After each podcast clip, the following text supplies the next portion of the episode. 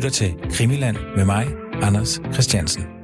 Vi har jo været inde på nogle, nogle svenske forbindelser mellem Sydafrika og, og Sverige, og vi har været inde på, at, øh, at de svenske betjente, de havde øh, ofte havde både besøg og besøgte Sydafrika. Du siger de svenske betjente, hvem tænker du på her? Jeg kan huske, at jeg fik at vide af Helin, da jeg interviewede ham for mange år siden, at, øh, at Ø solgte våben og ofte øh, rejste til Sydafrika.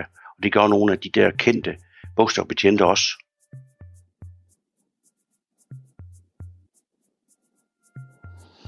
Ø. Ja, jamen, der har vi ham igen jo. Ja. Politibetjenten Ø. I grænsningskommissionen, der hedder han polismand A. Han er simpelthen øh, over det hele, når man taler om mordet på Olof Palme. Vi skal også tale om ham i dag, hvor vi kigger på et ja, noget kontroversielt dokument, der handler om Sydafrika. Et yndet feriemål for en række svenske betjente fra Stockholm. Men inden da, så vil vi meget gerne besvare nogle lytterspørgsmål. Vi har simpelthen sådan nogle søde og kvikke lyttere, der stiller spørgsmål om alt muligt vedrørende mordet på Olof Palme. Man kan stille spørgsmålene enten på krimiland radio4.dk eller på Facebook-gruppen, der hedder Krimiland Radio 4. Med mig i programmet i dag, der er det historiker Anders Øjes, og så er det historiker og gymnasielærer Brian Sauberg.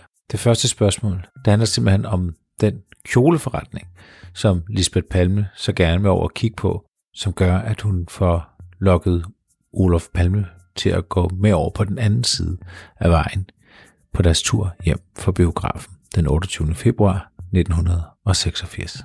Og endnu en gang så er programmet lavet under coronaforhold, det vil sige hjemme i mit øh, soveværelse. Jeg håber, I kan bære over med det. Det blev total förvirring. Är det verkligen Olof Palme som är skjuten? Ja. Det är det. Och han är död?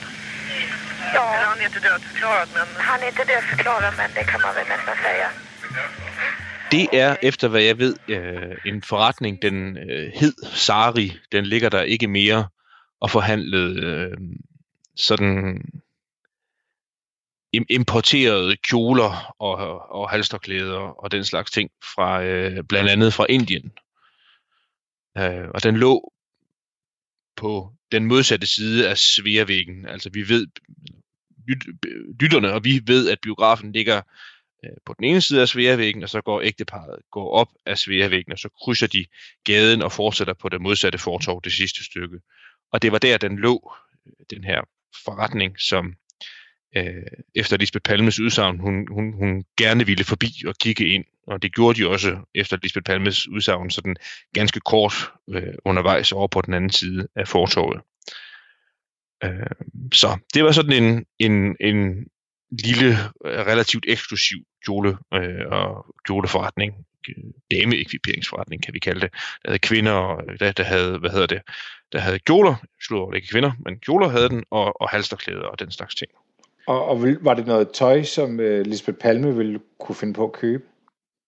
Åh, det har jeg svært ved at bedømme.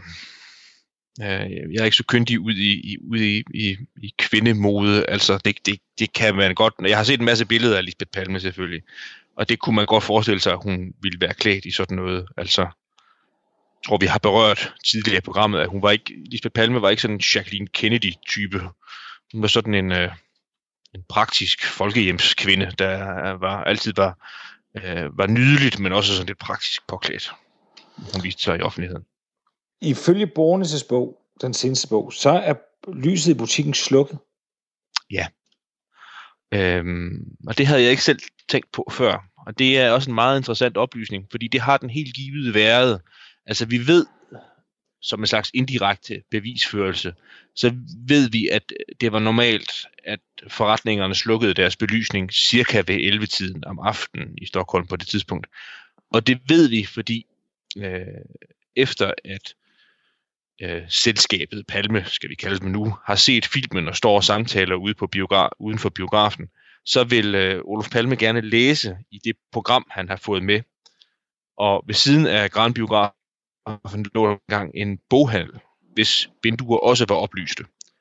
Øhm, og da han så står udenfor og har lidt svært ved at læse, fordi det er mørkt, så går han over mod for, forretningen, og så går lyset ud ind i den der boghandel der. Så der blev belysningen slukket. Og så som, som, som du sagde, efter hvad vi ved efter Bornes, så viste det sig jo også, at øh, den her kjoleforretning, de vil over og kigge i, der var belysningen også slukket. Mm. Og det er jo en underlig detalje, altså, fordi det har de jo formentlig kunnet se fra deres side af sværvæggen, at, øh, at lyset har været slukket i den forretning. Men omvendt så kan det selvfølgelig også have været sådan, at Lisbeth Palme var bekendt med forretningen, og vidste, at den lå der før. Hun havde måske endda handlet der før, så hun vidste, at den lå på vejen, så ville de bare slå et sving ind forbi. Og så har hun så ikke tænkt over, at, at, øh, at der ikke har været øh, lys mm. i vinduerne. Mm. Det kan jo så til dels også forklare, hvorfor de ikke standser op ret længe. Nej. Det er fordi, man ikke kan se noget i den forretning. Ja. Så øh, skal vi ligge mere i det? Nej, ikke andet end det, vi har, vi har gennemgået nu. Altså det eneste, vi så supplerende kan lægge i det, det er, at, øh, at øh, sådan mest i afdelingen for interessante sammenfald, så, så for det første, så var der det, jeg nævnte med boghandlen, hvor lyset går ud lige da deres spaceretur skal til at begynde, og så går de over forbi den her forretning her, hvor lyset er slukket, og så kommer de faktisk forbi en forretning mere undervejs ned til det, der senere bliver gerningsstedet, der hedder Le Carterie, så vidt jeg husker. Hvor der så til gengæld faktisk foregik øh, et, et renoveringsarbejde. Det var relativt underligt sådan at gå rundt og renovere en forretning øh, en, en fredag aften ved 11-tiden. Men der var rent faktisk håndværkere i den forretning, så der gik også nogen og, og rode i forretningen der på det her tidspunkt, der, hvor de kom gående forbi. Og det kan vi så lægge til sådan sekvensen af underlige sammentræf, der måske eller måske ikke betyder noget. Ja, der, der går man jo straks at tænke, at det, det, det, er nogle, det, er nogle, det er nogle morder, der har forklædt sig som håndværkere. Ja, eller det er nogen, der skal holde øje med et eller andet, eller afgive en melding, eller noget i den dur. Ja. Men nu skal vi passe på, at vi ikke ser det, vi gerne vil se. Det, det var du fuldstændig ret i. Og, og det var også det, vi, vi, vi, vi talte om sidst, Anders. Man skal huske på, at Stockholm er en stor by, og enhver given øh, fredag aften sker der ting og sager. Ja, det gør der. Det eneste, der er den interessante, og det er jo derfor, vi gør det, og det er derfor, det også skal være interessant for lytterne, det er jo, at det er en interessant sådan mental øvelse at prøve at afgøre med sig selv, om noget det kan være øh, øh, altså, øh, knyttet til mordet. Om det kan være en begivenhed, der, har, der fortæller os noget om mordet eller ej. Mm. Alle de her store og små begivenheder. Så har vi fået et lidt, lidt bredere spørgsmål, og det kan godt være, at vi skal bruge mere tid på det på et tidspunkt. Men det er en, der hedder, der hedder Pelle, som, øh, som har et rigtig øh, fornuftigt spørgsmål vedrørende øh, Sverige, øh, Socialdemokratiet og svensk øh, politik efter Palme. Altså underforstået, har, gjorde det egentlig nogen forskel, øh, at, at Palme døde, hvis man kigger sådan på, på Socialdemokratiet og på, på, på Sverige? Ja, det er et meget interessant spørgsmål, om det gjorde det eller ej. Altså, vi, vi er nødt til at tage et lidt kedeligt sådan metodisk forbehold først og sige, det er jo sådan noget kontrafaktisk historieskrivning. Fordi vi ved ikke, hvad der ville være sket, hvis Olof Palme ikke var blevet slået ihjel. Vi ved ikke, hvad han ville have gjort politisk efterfølgende. Det er sådan et, et grundlæggende vilkår. Men når det så er sagt, så er der bred enighed om, vil jeg sige, at, at det gjorde en forskel, at Olof Palme ikke var der mere. Jamen, var det ikke den amerikanske ambassadør i Vesttyskland, der et af de øh, gode programmer af Borgnes, Manden, Mor Mysteriet, sagde, at efter Palme, der blev Sverige mere normal. Altså regeringen, den øh, dedikerede sig mere til indrigspolitik, sociale spørgsmål og øh, altså sin egen befolkning. Og, øh, og udenrigspolitisk og sikkerhedspolitisk, jamen altså, der kan man vel sige, at øh, den var ikke så aktivistisk og udfarende, som det var under Palme. Øh, og øh, som jeg har kunne finde ud af, så øh, fra amerikansk side, så, øh, så anså man ikke svensk udenrigspolitik som så kontroversielt længere.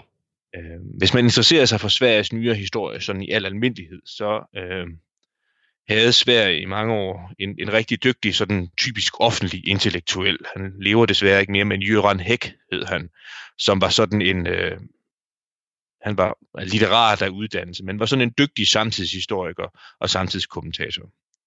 Og han skrev for en, øh, vel efterhånden 12-14 års tid siden, en bog, der hedder Velfærdsåren, altså Velfærdsåren om Sveriges nyere historie. Og han gik så vidt som til, at hans fremstilling er simpelthen periodiseret ud fra Palmes død. Altså den slutter med Palmes død. Den beskriver en epoke fra efter 2. verdenskrig og så frem til 1986, hvor Palme blev myrdet. Fordi, dels fordi det var sådan en skældsættende begivenhed, dels fordi det er, mener Johan Hæk og i øvrigt også jeg selv, afstedkom nogle politiske forandringer. Ja, og hvad er det for nogle politiske forandringer? Det kræver sådan en lidt længere karakteristik af, hvordan Olof Palme var. Øhm, og det meste af det havde nok noget at gøre med Sverige selvforståelse og Sveriges rolle i, i verden sådan i forhold til udenrigspolitik. Fordi det var her, at Olof Palme han havde sådan en ganske særlig glød eller aura, hvis man er til den slags. Altså, han, han, han var helt enormt profileret som, som sådan udenrigspolitisk aktør. Øh, han havde jo taget stilling til sådan mange brændende spørgsmål, og i mange tolkning jo også taget modigt stilling, altså i forhold til Vietnamkrigen, i forhold til apartheid i Sydafrika, øh, i, i forhold til, øh, hvordan hele den kolde krig, den skulle forstås, altså det vi har talt om flere gange, med Sverige som sådan en slags nation, der var midt imellem den vestlige verden og Østblokken, og i egen selvforståelse havde muligheden for at være den nation, der øh, sagde det, der skulle siges, og sagde det rigtige, det moralsk rigtige. Og der var det helt tydeligt, at det var Olof Palme, der personligt var eksponent for det. Fordi han var, havde jeg snart sagt, som han var. Altså, han var øh,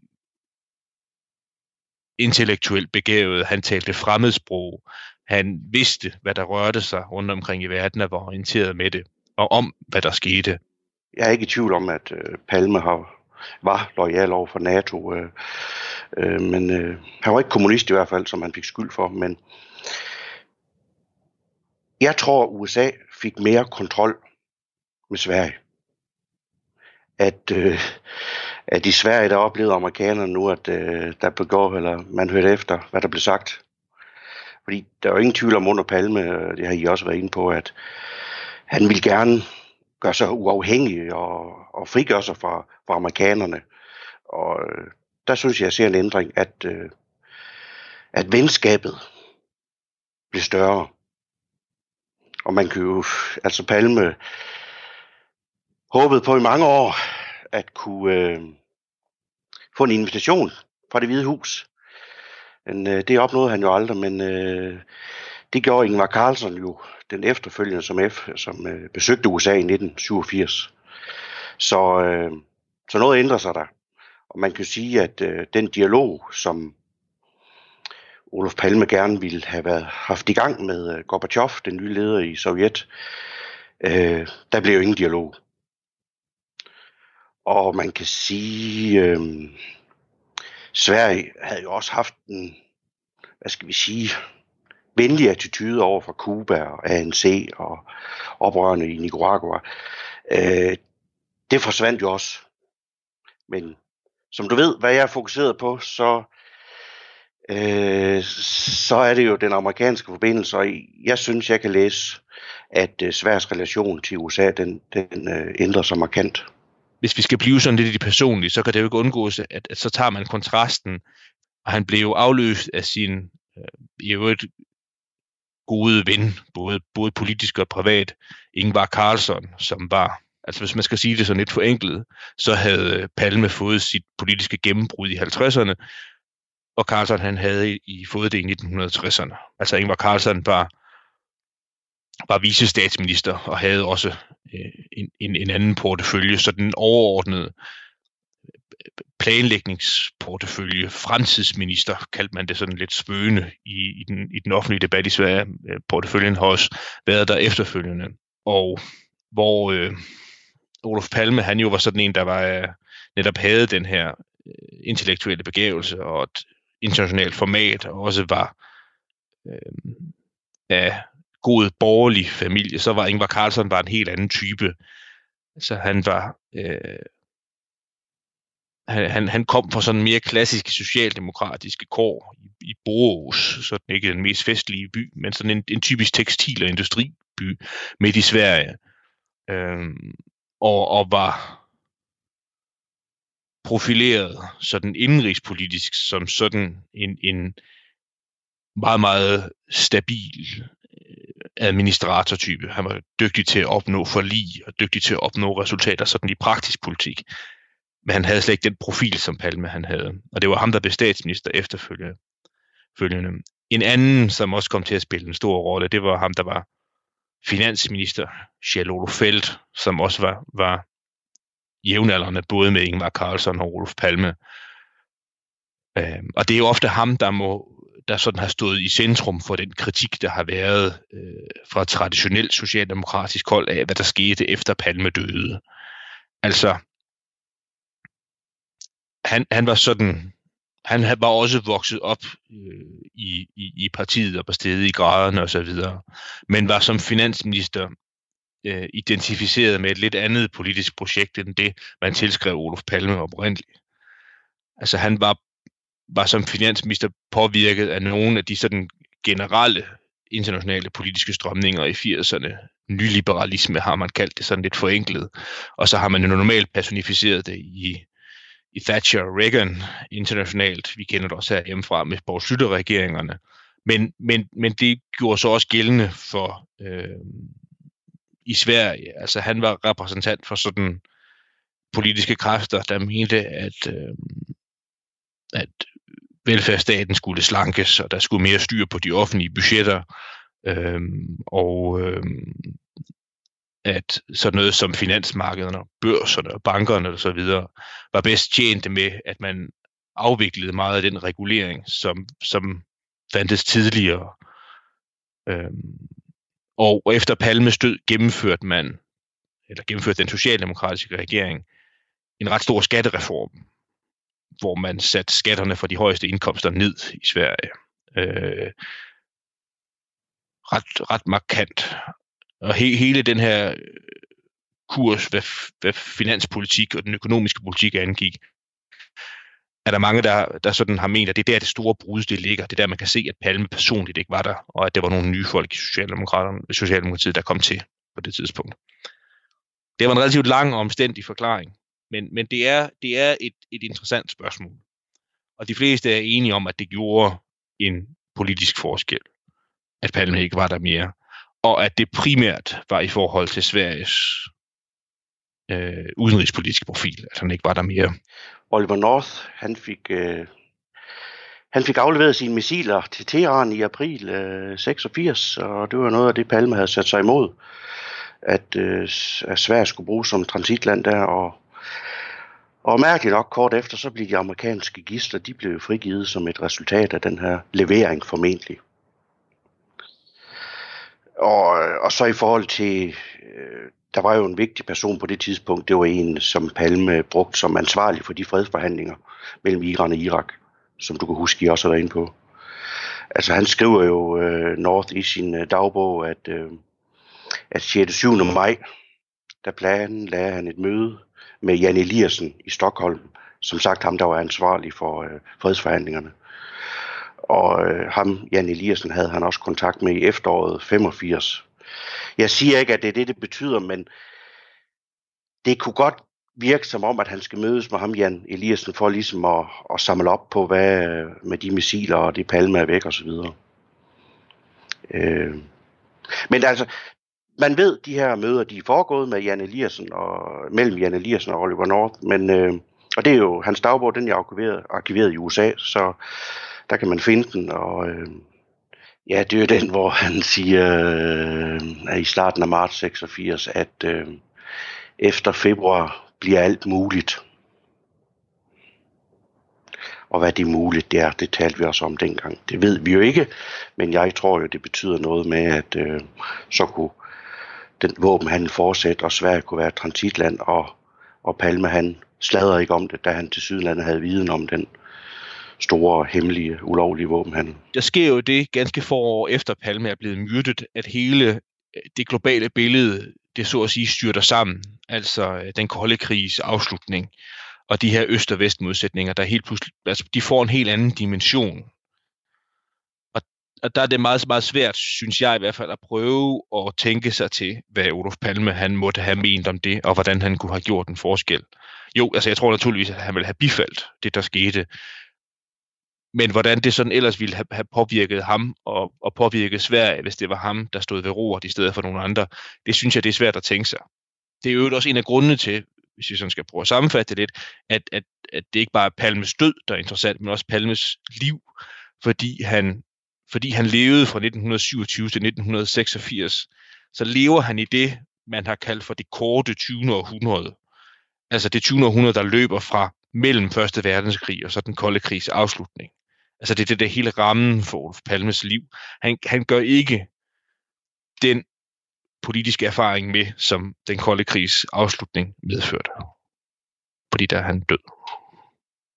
Og så har du jo næsten svarede allerede på det, på det opfølgende spørgsmål, ikke? Fordi det er jo, hvis man skulle pege på nogen, der fik noget ud af, at Palme blev fjernet. Hvem skulle man så pege på? Så vil jeg jo helt afgjort og afklaret i mit sind pege på amerikanerne. Og man kan jo sige, øh, et halvt år efter Palme var væk, der fik svenskerne øh, anlagt deres første Sosus-hydrofon, som er udviklet af amerikanerne øh, til at spore øh, sovjetiske ubåde. Øh, så sagt på en anden måde, øh, en hydrofon det er et aflytningsudstyr, som øh, til brug under vand. Og den historie, som jeg, jeg beretter, det er jo, øh, at øh, i, juli, i juli 86, der blev den første Sosus hydrofon installeret i det stokholmske øhav, og som med kabel ind til flådebasen på Muskø. Og det blev udvidet i september. Så der skete altså noget kort tid efter, at Palme var væk.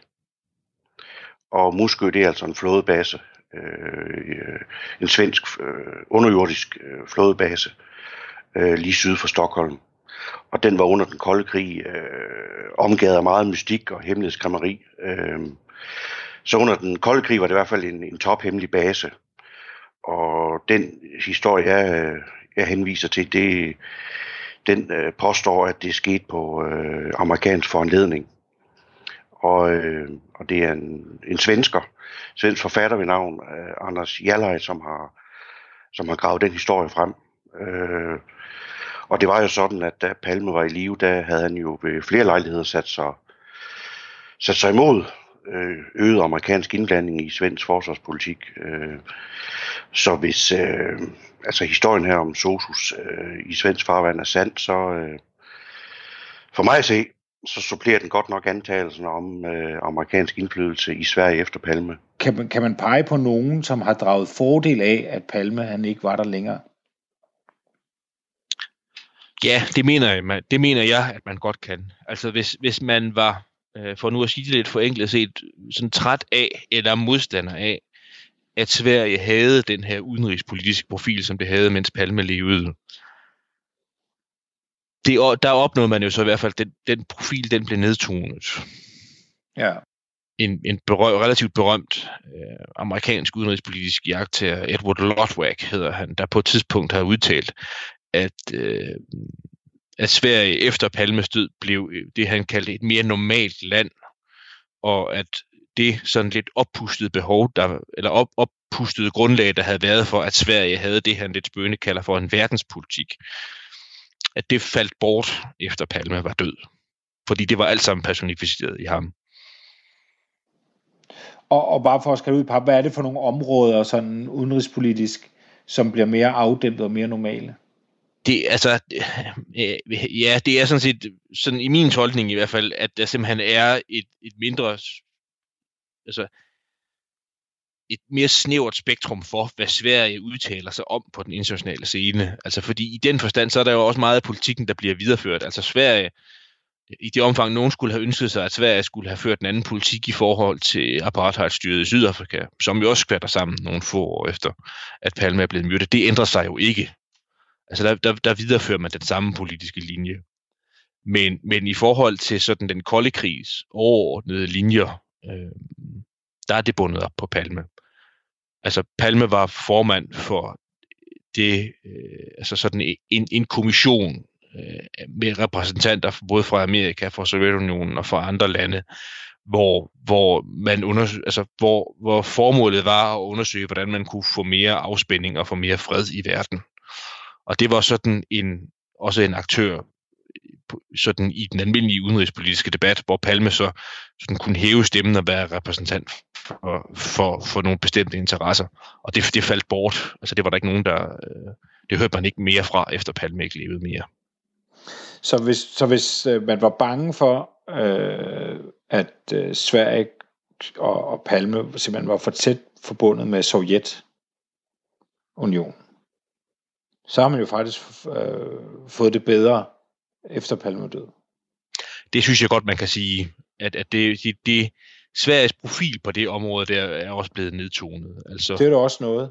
Altså, for vi har jo snakket en del om det her med, at der jo var, øh, altså, at der må have været grupperinger, som altså, simpelthen var bange for, at han var en landsforræder, ikke? Altså hvis vi skal referere en til, og det er jo tit, tit det, der kan være interessant trods alt, det er jo, at det her det er, noget, det er noget, hvor du og jeg, vi bedømmer nogle, nogle bestemte situationer. Men, men jeg har set et interview med Ulf Adelsson, som var leder af, øhm, af Moderaterne, altså det konservative folkepartis øh, søsterparti i Sverige, i 80'erne, mens Olof Palme var statsminister. Og så, så øh, fik han øh, nogle andre politiske roller senere hen. Han udtalte i 90'erne, øh, jeg tror nok i forbindelse med 10 året for, at Palme var blevet slået ihjel, at det slog ham med hans politiske erfaring, hvordan det havde været, at i 1986, da Olof Palme var statsminister, så var det jo sådan, at når han var leder for et stort borgerligt parti, og, og var sådan en, der om, omgikkes med med, med den øh, industrieliten og øh, kapitalejerne, for nu at bruge et lidt sjovt begreb, men finanseliten og den slags, fordi han var leder af det parti, han var leder af. Og i 1986, da Olof Palme var statsminister, socialdemokratisk statsminister, så kunne han stort set ikke undgå at rende på nogen i det klientel, som var øh, meget, meget trætte af Sveriges statsminister, og ikke forsøgte nogen lejlighed til at skælde ud på ham, når de endelig mødtes med en politiker. Hvorimod 10 år senere, da det jo stadigvæk var Ingvar Carlsson, der var statsminister i sin anden periode, så var der fuldstændig fred på den front. Altså Ulf Adelsson var stadigvæk fremtrædende borgerlig politiker og omgik stadigvæk med de samme mennesker. Men mødte aldrig nogen, der var rasende på, på, på Ingvar Carlsson og Sveriges socialdemokratiske regering på det tidspunkt. Mm. Mm. Så det er sådan en tankevækkende kontrast, Adelsson optegner ja. der. Ja, og der er vel ikke noget, der hedder Ingvar Carlsson havde optaget det svenske ordbog? Nej, lige præcis. Det er det samme igen. Øh, at det er der ikke.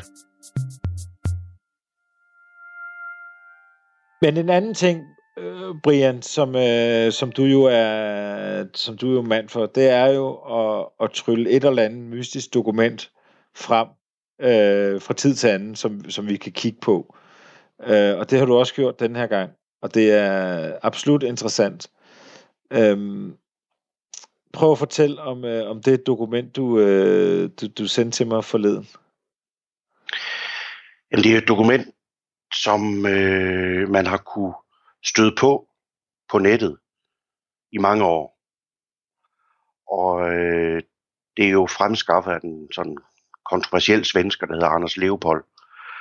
Det er i høj grad øh, diskuterbar, øh, er det valid. Øh, hvis en mere, der har brugt det i sin i sit arbejde omkring øh, apartheid og Sydafrika osv. Det er en, en sydafrikansk forfatter ved navn øh, Robin øh, Binkes, hvor han skriver om dødsfald i apartheid. Så der er flere, der har brugt det øh, og har sagt, at det er valid, altså gyldigt.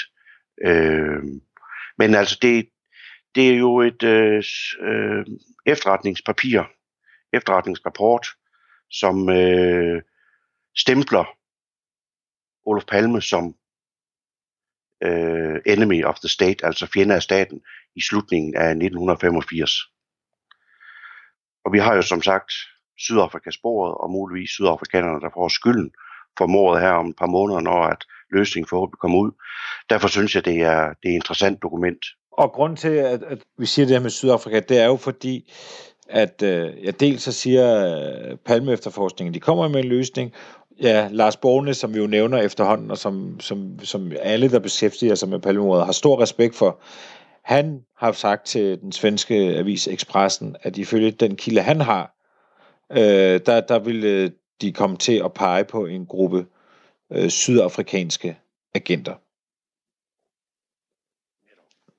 Øh, så derfor så er det altså værd at, at, at, og lige undersøge, hvad er det egentlig, det kan være øh, ved Sydafrika.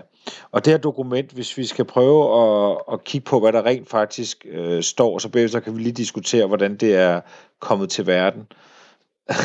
altså, der, der er nogle ting. Altså, øh, det, det, det, det, er, det er sådan tre punkter. Og, og emnelinjen er øh, anti-sydafrikanske handlinger, eller actions står der, og så står der kolon Sverige. Og så øh, skriver de i øh, punkt 1, at øh, der vil øh, blive afholdt en stor anti-apartheid-konference øh, i Sverige i februar 86, og dokumentet det er dateret oktober 85. Og vi har været inde på det, det er rigtigt nok, at øh, der kort inden mordet på Palme er en, en rigtig stor anti-apartheid-konference øh, i Stockholm. Og, og Palme er jo, det behøves vi ikke at nævne, han er jo stor øh, modstander af apartheid, og taler meget åbent og meget hissigt imod apartheidstyret i Sydafrika. Og så står der her, og det, det er meget interessant, der står, at øh, en øh, pålidelig svensk kilde har bekræftet, at Palme har øh, stærke sympatier over for øh, Sovjetunionen. Det øh, vækker også bekymring i Sverige, og at de vil øh, helt klart få indflydelse på Sovjetunionens øh, rolle i Europa og Afrika. Og så konkluderer de øh, nedenunder, at Palme bør betragtes som en, en fjende af, af staten, altså den sydafrikanske stat. Og at, som det tidligere foreslået, så øh, anbefales det, at øh, man tager handling imod Palme de her anbefalinger burde, med de her nye oplysninger omkring øh, hans sympatier mod Sovjet og den her anti-apartheid-konference, øh, bør man nu tage mere alvorligt. Og så står der faktisk, at vores svenske kilde i Uppsala, altså den svenske by, øh, siger, at den her anti-apartheid-konference ville måske være en god anledning til at øh, ja, gribe til handling. Yes. Er du enig i min udlægning af, af dokumentet? 101 procent, ja. Var Palme virkelig en fare for Sydafrika? Og som du sikkert kan huske en gang, der nævnte jeg Craig Williamson, som sagde, at han var altså ikke en særlig stor fare, så der var ingen grund til for os at rydde ham af vejen. Men altså, hvis man ser på den, den, den politiske sammenhæng på det tidspunkt, jamen, øh, der må vi huske på, at øh, den der anti-apartheid-bevægelse, den var enorm. Øh, øh, der blev øh, sydafrikanske varer blev boykottet, og øh, øh, det var et styre, der var under voldsom pres. Øh, så man kan godt læse historien som, at vi skal have ryddet øh, den, øh, den fag hun af vejen, fordi han, øh, han er livsfarlig for os. Øh, og så synes jeg også, det er vigtigt, øh, som der også står i dokumentet, at, øh, at øh, Sydafrika havde jo også sit at gøre med kommunismen i Afrika. Altså øh, de oprørsbevægelser, der nu var i landene omkring, de blev jo støttet af Kuba og Sovjet. Så øh, der er altså også en kommunistisk forbindelse til, til Sydafrika. Og øh, og på det tidspunkt, altså de havde næsten ingen venner tilbage i Sydafrika, men man havde stadig Thatcher og Reagan. Øh, så øh, de var presset, men om det var nok og til at, at ville rydde ham af vejen, det, det kan diskuteres. Øh. Ja, og jeg, jeg kunne referere min samtale med Roy Allen, en anden sydafrikansk agent, som jo er, flere gange blev mistænkt for mordet, men som de svenske myndigheder altså ikke tror på har noget at gøre med mordet. Men han siger jo, at han var dels rigtig glad, da Palme blev myrdet. Han var glad, da Tjernobyl sprang i luften, fordi så håbede han noget af alt det der radioaktive øh, stof, det kunne svæve ind over Sverige. Øh, så så han, han lægger ikke skuld på, at han virkelig dengang altså øh, havde øh, Sverige og Palme. Øh, og han siger, at han tror ikke på, at man sådan for øverst, øh, øverst oppe officielt har, har sagt, at Palme skal dø, men han vil absolut ikke afvise, at der kunne have været en eller anden gruppering, som har handlet på, på egen hånd, ja. øhm, siger han. Så, så man kan sige, altså det her, det, det forstærker selvfølgelig den mistanke. Nu er det dateret den 5. oktober 85, så lige meget hvad, så er det jo ikke et bevis for noget som helst, fordi Palme er ikke myrdet. Det kan godt være, at de har haft øh, planerne eller tankerne, men det beviser jo ikke, at der er nogen, der rent faktisk har ført ud i livet. Og øh, det jeg er allermest optaget af ved det her dokument, det er, som du også læste op før, den der øh, forbindelse til, øh, til svenske kilder der i Uppsala. Altså, jeg er jo meget tilhænger af, at nogle enkelte svenskere sammen med nogle sydafrikanske agenter, det er sådan den teori, jeg har haft længe. Altså, den, den synes jeg er interessant, der er en forbindelse til, til nogle svensker. Jeg, jeg spurgte faktisk øh, øh, Gunnar Wahl, den svenske øh, forfatter, for ikke så længe siden, øh, dels om han synes dokumentet var fint øh, eller gyldigt, og, og så dels så, øh, hvem kunne de der svenskere være, og den, der nævner han for mig, at, øh, at, øh, at det kunne være en SEBO-chef. Det var det, han fandt allermest interessant, at den øh, kobling til, til nogle svenske kilder, øh, og så han kunne så fortælle mig, hvem der det formentlig var tale om, øh, øh, hvis der var en, en henvisning, øh, en kontakt til, til Sverige. Det er et kontroversielt dokument. Det er absolut ikke øh, mainstream.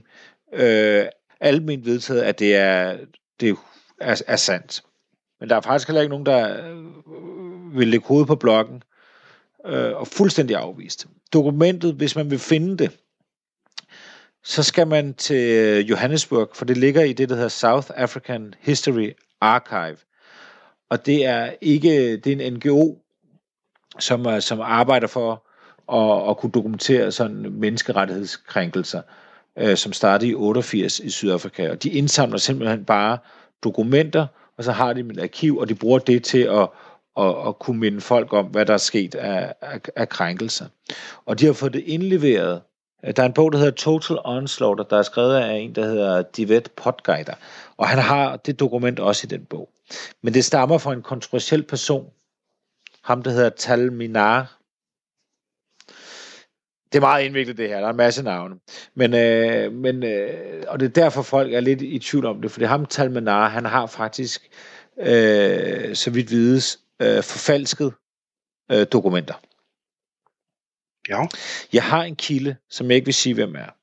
Men han, men han har prøvet at, at undersøge det her dokument til bunds øh, netop fordi han var meget i tvivl om, om hvorvidt det var en, en, en forfalskning. Og han har vist det til, til, hvad han har kunne finde både i Sverige og i Sydafrika af, af efterforskere og, og eksperter på området. Og han siger til mig, der findes en del dokumenter, som stammer fra ham her, Minar. Det her, det er et af de bedre. Altså i forhold til, om det er sandt eller falsk. Altså det er det, de bedre i forhold til, at det kunne være sandt. Han siger, at de har været rundt og teste hos øh, forskellige befalingshavne i politiet og militæret.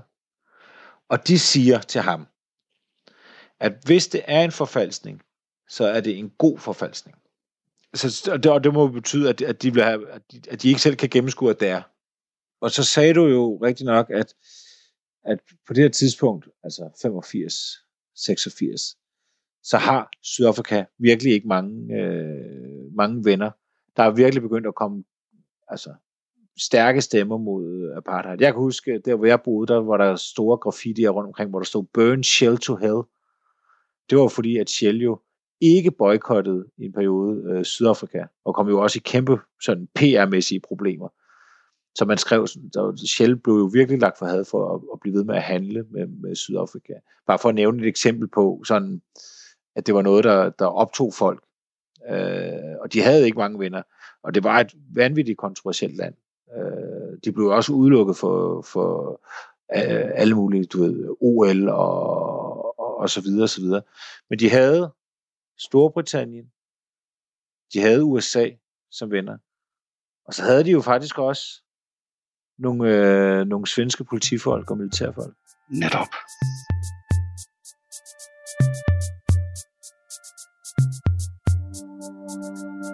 En af dem, der jo virkelig er interessant at kigge på, når vi snakker om det her politisporet, det er jo Ø. Og vi har været inde på ham mange gange, og vi har haft ham lidt øh, på siden, men jeg må sige, de seneste dage, især efter seneste afsnit med det her radiohørespil og, og Øs øh, mange forskellige roller, så er han jo virkelig en, jeg har begyndt at blive meget fascineret af. Ved du noget om Ø og Sydafrika? Ulf Helin sagde jo til mig på et tidspunkt, mange vidste dengang, at han havde kontakt med den sydafrikanske efterretningstjeneste, som han, øh, som han øh, havde noget våbenhandel med. Øhm, man ved, at øh, det våbenfirma, som han øh, grundlagde sammen med, øh, med G, øh, de øh, solgte aflytningsudstyr til den øh, sydafrikanske ambassade. Og jamen, hvad ved man ellers? Øh, dengang, at hans lejlighed blev, øh, der i 88, den blev øh, endevendt, der fandt man, så vidt jeg husker, en liste mm. over Sydafrika-kontakter. Men han har simpelthen handlet våben med øh, Sydafrika. Præcis. Og han har rejst til Sydafrika? Ja, han har været på ferie, og Grundborg var også med, øh, G, øh, majoren der.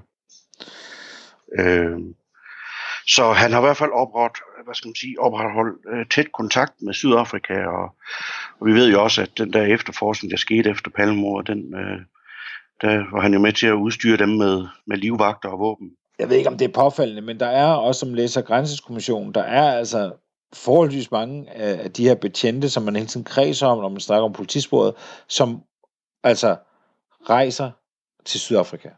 Og det, det vil sige, det er jo ikke ulovligt. Men det er bare påfaldende, som, som mange af de her bogstavsbetjente, som øh, har et eller andet, nogle har et ærne, nogle har simpelthen ferie i, i, i Sydafrika.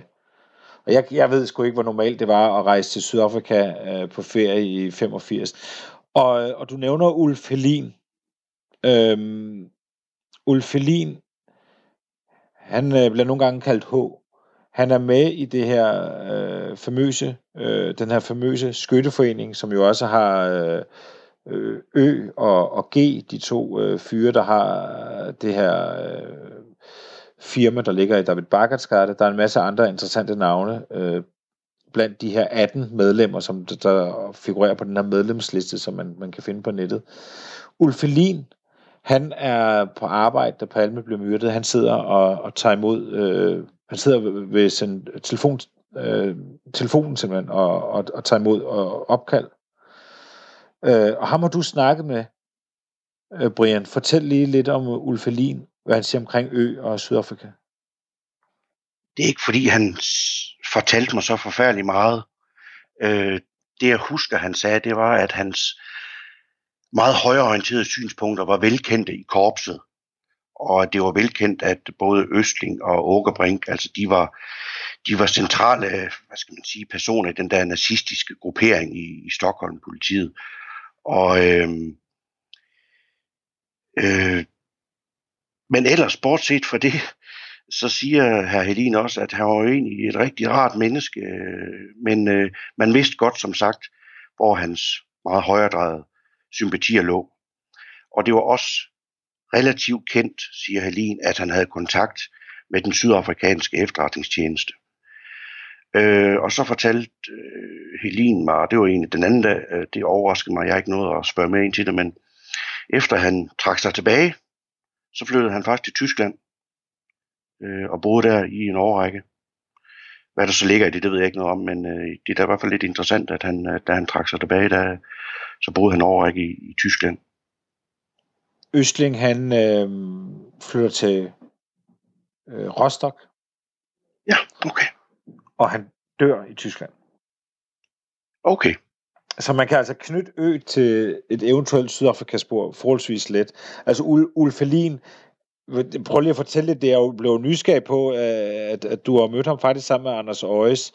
Øh, har, har I mødt Ulf Helin, og han er jo en af de her bogstavsbetjente, vi snakker så meget om. Kan du ikke prøve at sætte nogle ord på, hvad han er for, en, øh, hvad han er for et menneske?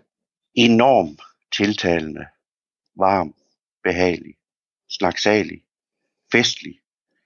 Øhm, og øh, vi har talt om det før, som sagt, men øh, han, det, jeg synes, der var mest bevægende, da at, øh, jeg skrev med ham, før jeg besøgte ham, det var jo, at øh, det var enormt barsk for ham at blive hængt ud for at have forsinket opkaldet, som i den bog, der kom nogle år efter, der sagde, at han var, og hvor, hvor han var medskyldig, og han fortæller jo, at øh, jamen, hans nærmeste familie troede jo, at, øh, at han var involveret. Men ellers, han, han, men, han virker ikke som en, en hårdkogt palmehader. Øh, han virker også påfaldende upolitisk, altså forstået sådan, han er ikke sådan mere højorienteret end, end så mange andre. Sådan, øh, han kan selvfølgelig være kritisk over for noget af det, der sker i Sverige lige i dag, men ellers, der er ikke sådan nogen, det er ikke sådan en nynazist, du ser foran dig. Øhm, og han var meget snakselig, meget fortællende, og det var jo også ham, der sagde, nu har I været meget inde på det, altså det har ikke kapaciteten til at kunne deltage i en eventuel øh, konspiration. Øh, Et, så, og det er jo det, Anders O. og jeg har snakket mange om. Hvad er hans rolle? Øh, hvorfor er Helin den eneste, der egentlig gider at udtale sig? Det er jo næsten, det er næsten umuligt at få fat i de, de andre resterende. De gider jo ikke udtale sig. Så er han øh, øh, vildledning, eller er han bare en ærlig mand, der, der ikke var involveret? Altså, det, det vil jeg aldrig kunne, kunne afgøre.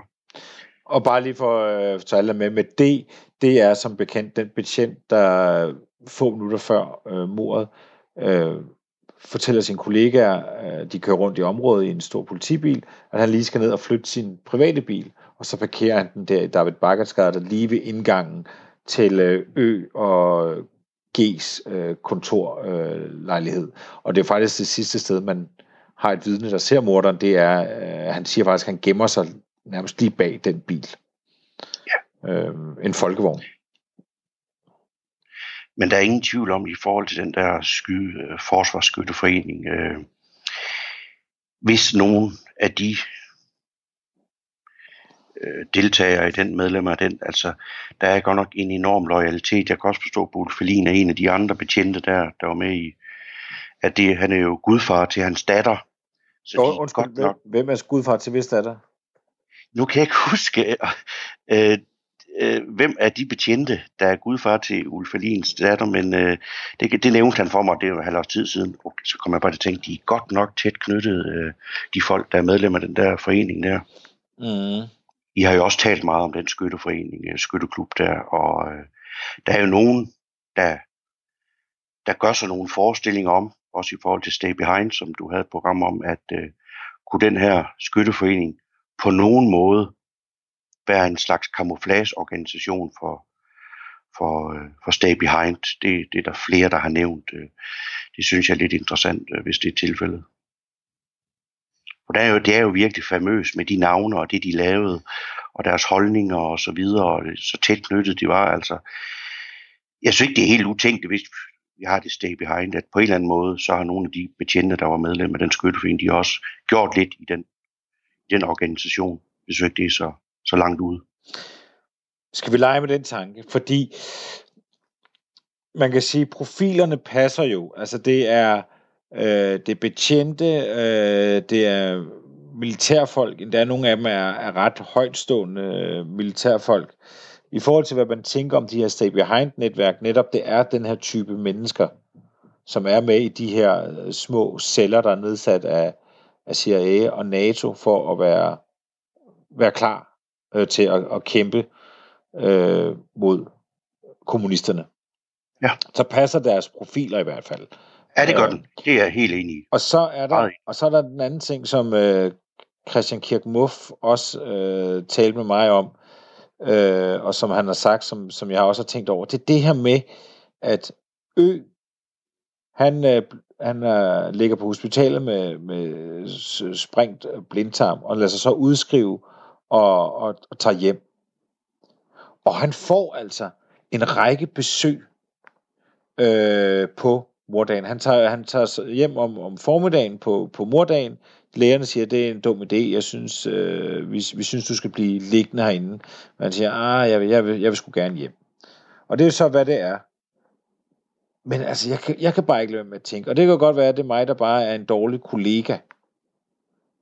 Men vil jeg tage hjem, hvis jeg havde en kollega, der ligger på hospitalet med spring blindtarm, og siger, nu tager jeg hjem. Vil jeg tage hjem og besøge ham? Altså, det er jo ikke fordi, så, så er det jo heller ikke mere alvorligt. Der har jo ikke været mere sådan... Altså, der er et eller andet underligt i, at der er fire forskellige øh, betjente.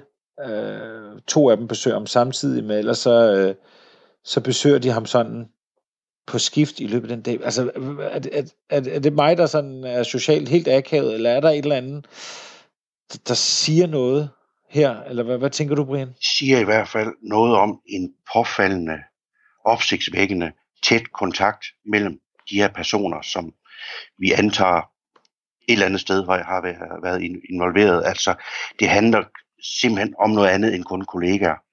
Altså, jo, de er betjente, men det er godt nok mystisk. Det altså, så tætte de er.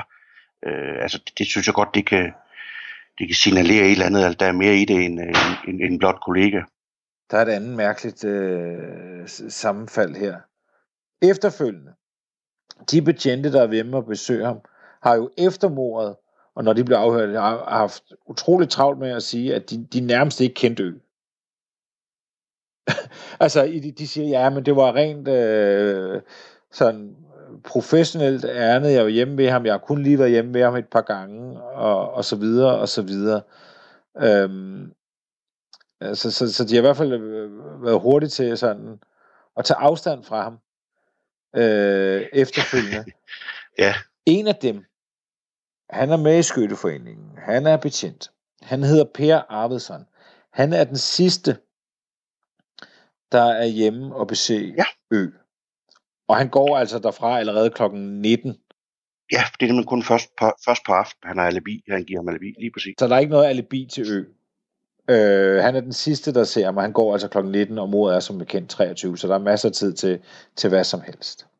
Men det, det, det alibi, de giver ham, alle de betjente, der er hjemme med ham, det er, at de siger, at han er i en, en dårlig forfatning i forhold til, at han næsten ikke kan gå. Og i Grænsningskommissionen, der bliver, øh, der bliver det nævnt, at, at det bliver jo bakket op af en læge. Der er en læge, der, der giver ham øh, det, man kan kalde et medicinsk alibi. Jeg siger, at han er ikke i stand til at, at kunne løbe op ad trapperne osv. Øh, og det er jo og det er jo rigtigt nok. Og det, det kan også godt være, at han ikke kan det. Det er der ikke nogen, der siger, at han kan. Det skal bare lige siges, at den læge, der giver ham det alibi, har ikke på noget tidspunkt undersøgt ø. Nej, det er rigtigt. Han udtaler sig bare generelt om, øh, altså han får at vide, hvis man har været udsat for det og det og det og det, hvad kan man så? Per Arvidsson, med i Skytteforeningen. Men det han også gør, det er jo, at han jo, øh, som de andre er ansat af Stockholms politi, og han bliver dagen efter tilkaldt for at øh, undersøge to kugler, der blev fundet på morpladsen, som han skulle identificere. Det vil sige, den sidste mand, der ser ø, er faktisk den mand, der, på, der skal identificere nogle øh, kugler, som de har fundet på morpladsen. Det lyder skummelt. Er der, sig mig, er der 10 mennesker i Stockholms politi, eller der er sådan et sammenfald af, af, af navne, ikke?